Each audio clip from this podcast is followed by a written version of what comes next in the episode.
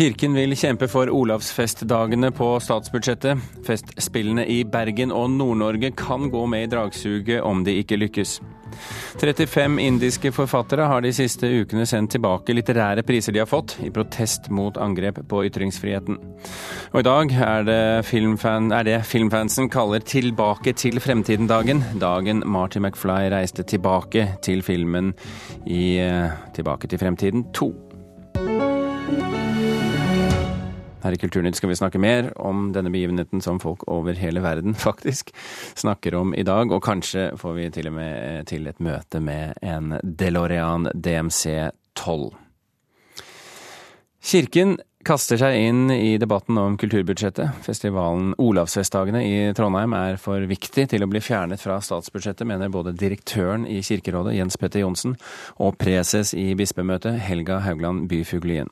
De to frykter å miste en viktig brobygger mellom kirken og folket hvis festivalen får en uforutsigbar økonomi. Vi har sett en veldig positiv utvikling av festivalen som tydeliggjør relasjonen mellom kirke og folk. Og det ønsker vi å ta vare på, det ønsker vi at skal videreutvikles. Olavsfestdagene har de siste åra blanda klassisk kirkemusikk med artister som Sting, ispedd litt salmesang og barnestjerna som Marcus og Martinus.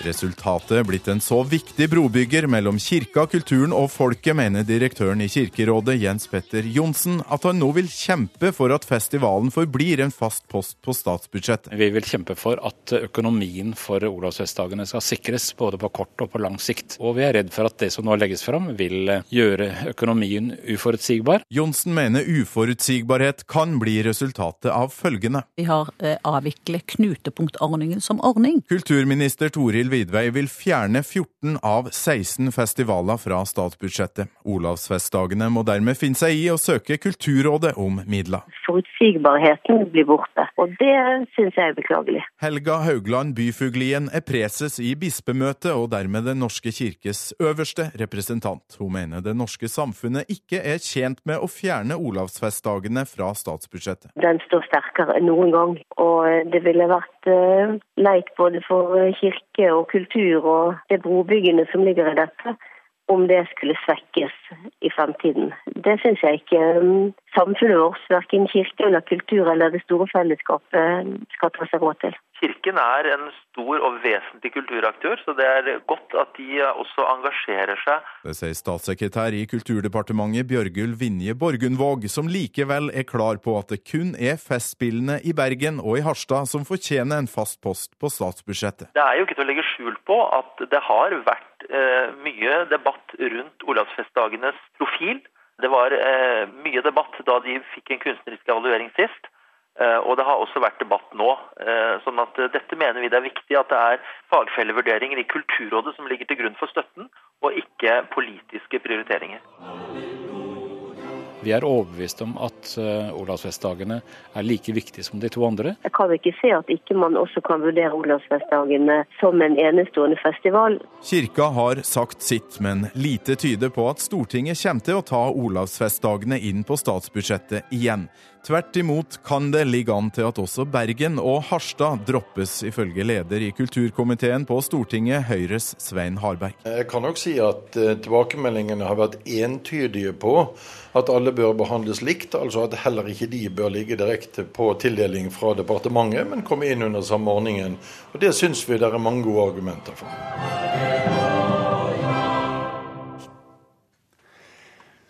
Stortinget gjør for tiden sine endringer og skal vedta kulturbudsjettet 9.12. Reporter i denne saken, det var Torkil Thorsvik.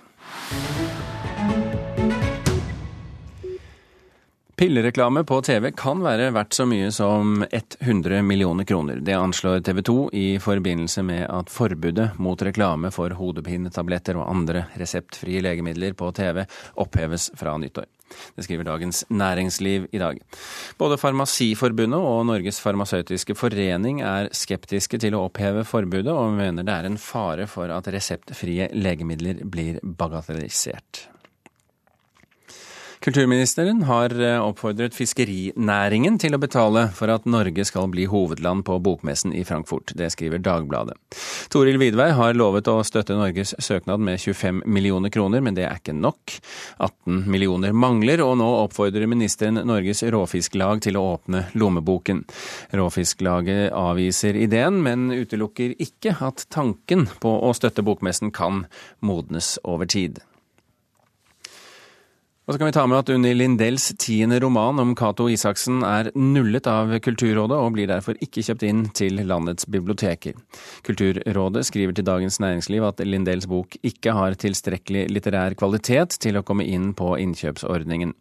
Lindell, Lindell sier til avisen at avslaget ikke betyr noe for henne. Boken Brudekisten nådde en femteplass på bestselgerlisten over skjønnlitterære bøker i fjor. I India har 35 ledende forfattere de siste ukene sendt tilbake litterære priser de har fått, i protest mot det de ser som angrep på ytringsfriheten de siste ukene. Kollega Joar Hole Larsen, eh, hva er det som har skjedd i India nå? Altså, dette er en bred protest på flere nivåer i det indiske samfunn, der mange er bekymret for det de mener er ensretting og meningstvang. Og Bakgrunnen for det er at for halvannet år siden så ble hindunasjonalisten Narendra Modi valgt til statsminister i India. og Hans valgtriumf gjorde at eh, ytterliggående hindunasjonalister ble oppildnet av dette. De eh, skjerpet tonen og ble dristigere. De ble mer åpne i sin eh, kritikk av og i sine angrep på såkalt annerledes tenkende, da, som ikke ikke er hindunasjonalister, enten de da var muslimer, forfattere eller begge deler, uten at statsministeren og myndighetene gjorde noe for å stanse disse ytterliggående kreftene. Og det er det denne protesten i all hovedsak dreier seg om. Den har jo pågått eh, i overkant av et år nå. Eh, hvorfor kommer denne forfatterprotesten akkurat nå? Fordi at eh, På den siste dagen i august så ble en av de mest eh, fremtredende kritikerne av denne nynasjonalistiske eh, hindubølgen og deres metoder og de, de, midler de nå har tatt i bruk, en mann som, eh, en forfatter da, som het M.M. Kalburgi. Han ble skutt og drept i sitt hjem, nok en gang uten at da de statsfinansierte litterære institusjonene, eller for den saks skyld eh, statsministeren, reagerte særlig. Og da det ble sagt noe, så kom reaksjonen. De kom veldig sent, de var vage og unnvikende, og gjorde på mange måter da mye verre. Men, men eh, dette, dette, å gi tilbake sine eh, litterære priser som de har fått for, for høy kvalitet i sitt forfatterskap, hva slags effekt kan det ha? Mange av disse prisene er 40 år gamle, slik at det er klart Det har ingen veldig altomfattende effekt, som du sier. Men altså, du og jeg sitter nå her og snakker om det. Mange norske lyttere hører dette. New York Times har skrevet om det de kaller denne litterære revolten. Slik at det blir kjent, og, og det, det svekker da indernes og Indias omdømme. og i tillegg så er det å sende tilbake disse prisene her også da en støtte til andre grupper som lider da i anførsel under denne nynasjonalistiske hindubevegelsen. For eksempel eh, så ble en eh, muslim eh, anklaget, eller som ble beskyldt da for å ha slaktet en ku, og kuer er hellige i hindu-India. Han ble drept av en mobb uten at statsministeren da heller fordømte ugjerningen. Så dette gjelder ikke bare det skrevne ord, men det gjelder alle former for kulturuttrykk, enten det gjelder religion, spisevaner, leveveier eller, eller annet. Så dette er ganske alvorlig i India. Du, du, har jo både bodd i India og skrevet bok om India. Hvordan vil du si det står til med ytringsfriheten rent generelt i dette store landet? Altså, i, i den boken du refererer til, så, så skriver jeg at India på mange måter er et ufortjent positivt omdømme. Men det gjelder faktisk ikke ytringsfriheten generelt, snarere tvert imot. fordi de de har gode aviser, eh, de har helt fremragende tidsskrifter. Så, så sammenlignet med, med, andre land i, i den delen av verden, for hvis det er det slett ikke så verst, men altså sataniske vers er f.eks. fremdeles forbudt. Inderne misliker sterkt kritiske bøker om Mahatma Gandhi, og de tolererer ikke balanserte fremstillinger av f.eks. nabolandet Pakistans, erkefiendens utenrikspolitikk. Slik at de har mye å gå på også når det gjelder ytringsfrihet. Joar Hoel Larsen, takk for at du kom til oss. Klokken har passert 13 minutter over åtte. Du hører på Kulturnytt, og dette er toppsakene i Nyhetsmorgen nå. Lærere skal gi seksualundervisning i grunnskolen, men lærerstudentene får ikke den opplæringen de trenger for å stå rustet til å gi barn seksualundervisning. Ansiktsløse aksjonærer kontrollerer store verdier, men skjuler eierskapet bak banker og meglerhus. Rapport til regjeringen krever mer åpenhet om eierskap. Og flyktningstrømmen til greske øyer øker. Mange forsøker å ta seg over havet før vinteren kommer.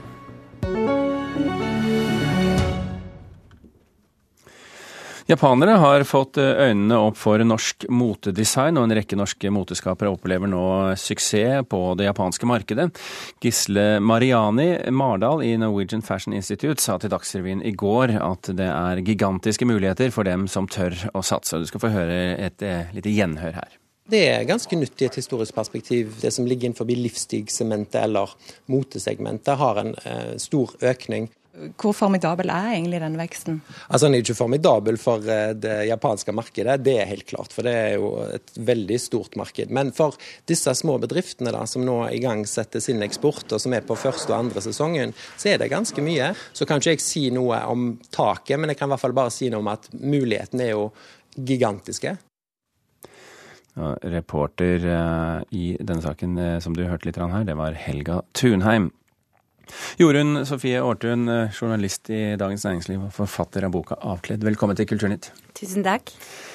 Er Japan et marked som passer godt for norske moteskapere?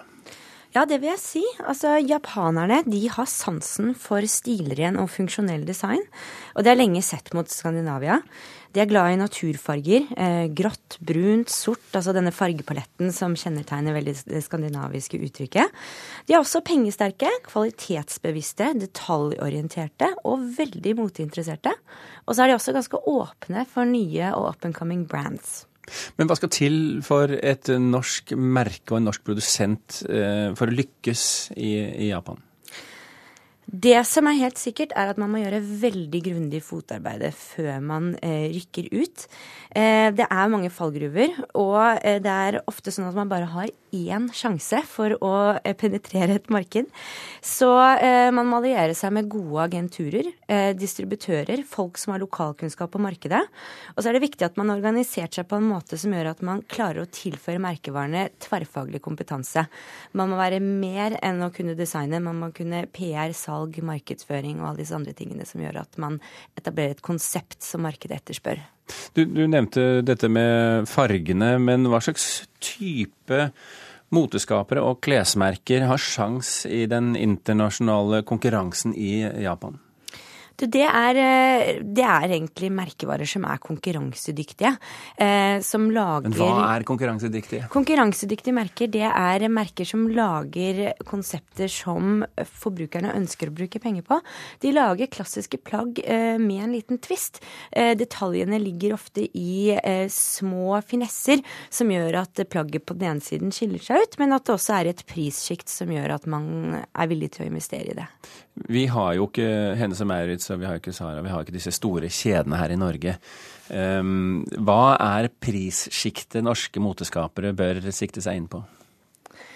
Jeg tror at det vil være veldig vanskelig for norske eh, motskapere å konkurrere i det laveste prissjiktet. Altså, vi har jo Warner-gruppen, som har gjort formidabel suksess i Europa gjennom Bik Bok og, og, Dressmann og disse tingene her.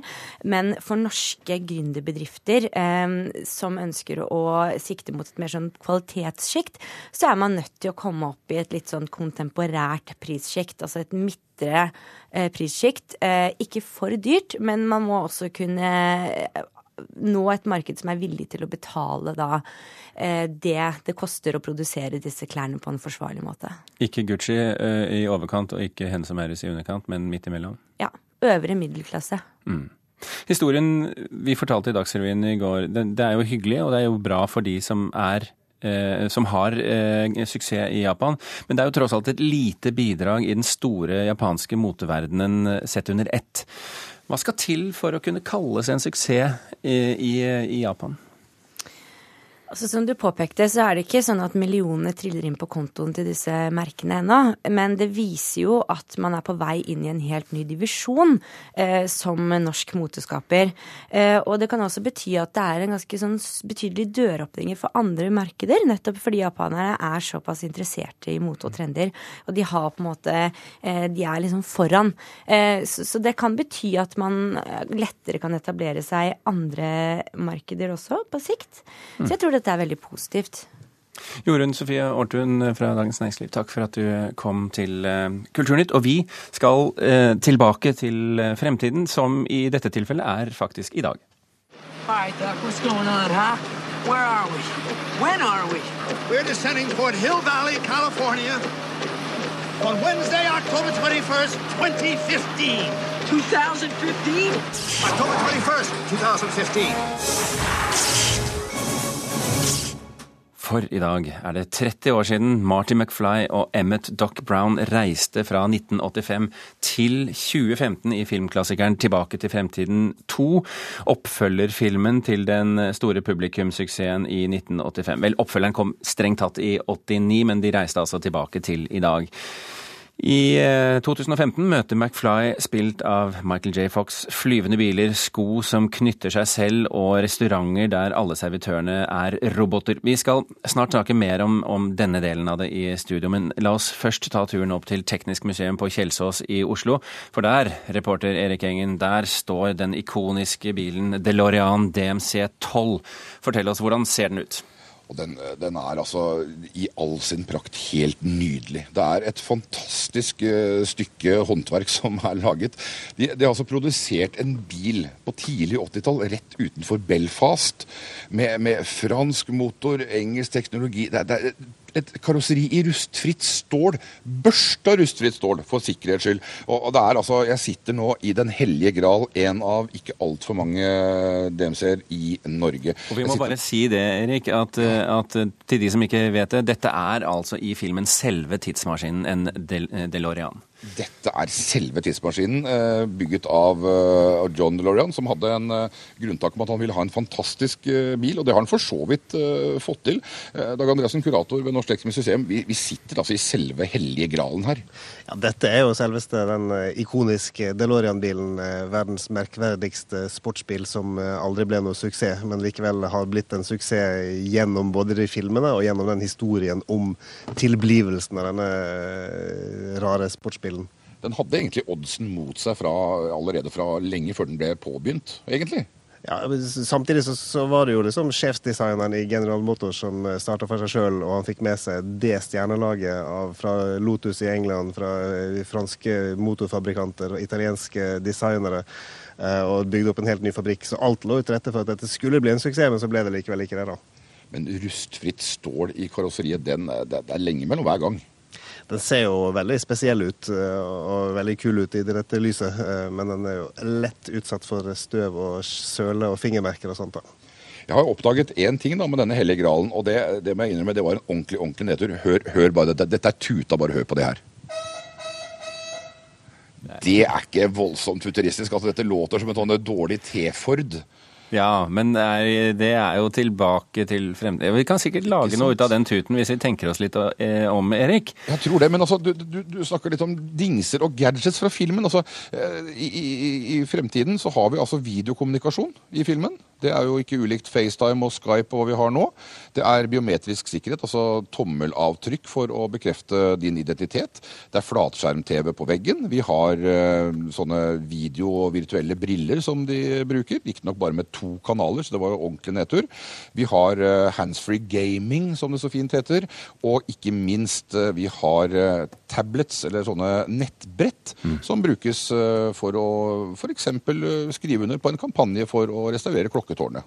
Vi får ta mer av dette her, Erik Engen. Takk for at du var med oss fra Teknisk museum i denne legendariske bilen DeLorean DMC 12, altså en ekte tidsmaskin. Marte Hedenstad fra Filmpolitiet.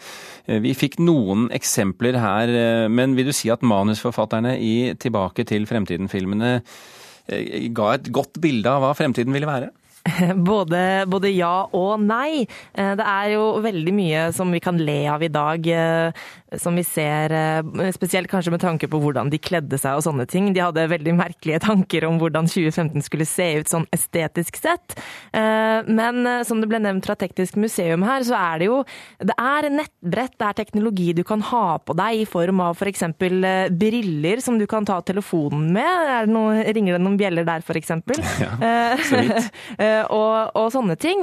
Men det som kanskje aller flest folk er interessert i, er jo dette svevebrettet som Marty McFly eh, kjører på når han- kommer til 2015. Altså et rullebrett uten hjul. Eh, Og det er jo noe kanskje veldig mange har drømt om å kunne få lov til å stå på. Og eh, her har vi jo et eksempel på, på hvordan eh, livet etteraper kunsten. Fordi eh, dette er jo noe som eh, vitenskapsfolk eh, har prøvd å lage. Og et sånt type hoverboard som det heter, det er jo på vei.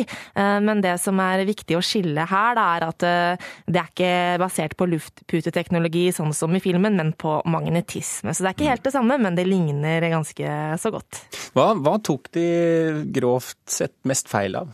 Um, det, som er veldig, det er en veldig morsom scene fra filmen hvor eh, den, eh, altså fremtidens Marty McFly eh, eh, får sparken av sjefen sin, og da får han faks. Eh, og han, får, han har en faksmaskin, og opptil flere faksmaskiner i hvert rom, hvor han da får 'you're fired' på veldig mange samtidig. Og det er jo litt morsomt at de klarte ikke å se for seg eh, i 1989, da denne filmen kom, eh, at det var noe annet som kunne, en annen teknologi som kunne overgå den fantastiske faksen. Så det syns jeg er ganske så morsomt at de fortsatt trodde på da. Dette jo, ble jo en kjempestor suksess og spilte inn for flere hundre millioner dollar, både eneren og toeren og nesten treeren også. Mm. Hvordan kan Tilbake til fremtiden 2, da, som vi snakker om her, sammenlignes med andre filmer om fremtidstemaer? Ja, altså Her er det jo sett på fremtiden med litt humor, selvfølgelig. Eh, jeg tror ikke at eh, filmskaperne trodde at alt dette kom til å skje.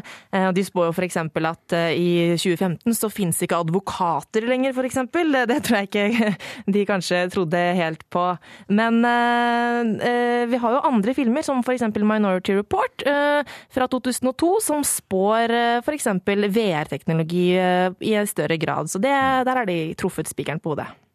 Marte Hedenstad, eh, tusen hjertelig takk for at du kunne være med oss fra studio i eh, Trondheim.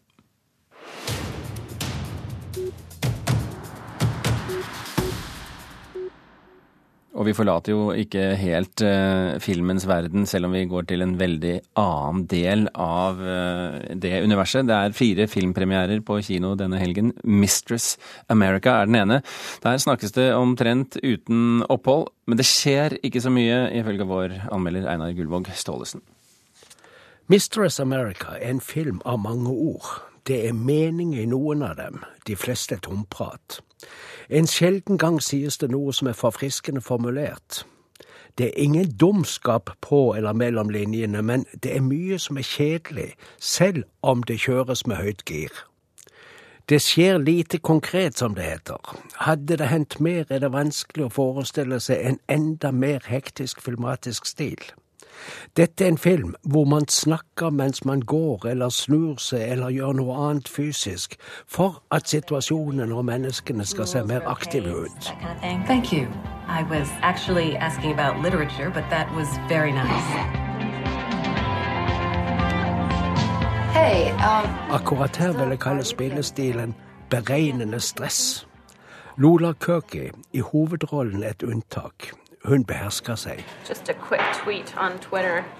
I'm very into social media. You have to market yourself. If you don't know what you're selling, no one will know how to buy it. What are you selling? So many things. Det skal nok være slik, for den som er mest hektisk selv på hvilepuls, er Greta Gerwig, som er manusforfatter sammen med regissøren Noah Baumbach. De tar sikte på å skildre tidsånden.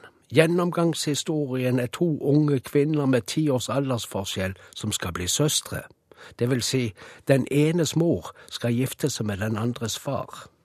Den forbindelsen skaper en umiddelbar kontakt mellom jentene. Den yngste engasjerer seg sterkest. Hun har også best kontroll, men alt er relativt.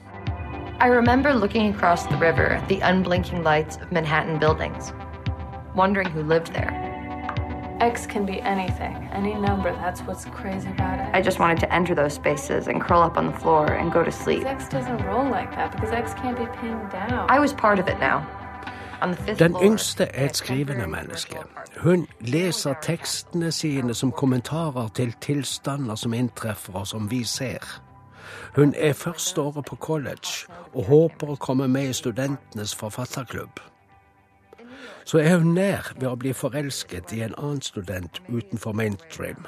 Men noe av poenget er at mange linjer krysser hverandre i kjærlighetslivet, og at ingen eller få finner ut av tingene innen filmen er slutt. Når den er slutt, er det på tide å avrunde. Da har vi berørt en del tema som oppgjør med en mobber 15 år etter, assortert religiøsitet, han som ble rik og fikk supervilla på naturtomt, og hun som slo seg sammen med ham. Hun som kanskje kommer til å gifte seg gresk-ortodoks. Og så er det foreldregenerasjonen der som ikke greier sine saker bedre enn de unge voksne. Og det gis mye plass til en romantisk drøm om å åpne restaurant som fortoner seg som et hjem i asfaltjungelen, hvor innehaverens eventuelle fremtidige datter skal sitte ved et bord i hjørnet og gjøre lekser. Elementene henger ikke helt sammen. Ingen av dem lokker frem smilet. Sa Einar Gullvåg Staalesen. Kulturnytt er eh, slutt. I dag har vi fortalt at Kirken vil kjempe for Olavsfestdagene på statsbudsjettet. Festspillene i Bergen og Nord-Norge kan gå med i dragsuke hvis de ikke lykkes. Du hørte også at 35 indiske forfattere protesterer mot ytringsfrihetsovergrep i India. Og i dag er det, film, er det filmfansen kaller Tilbake til fremtiden-dagen. Les mer om dette på nrk.no. Hør flere podkaster på nrk.no podkast.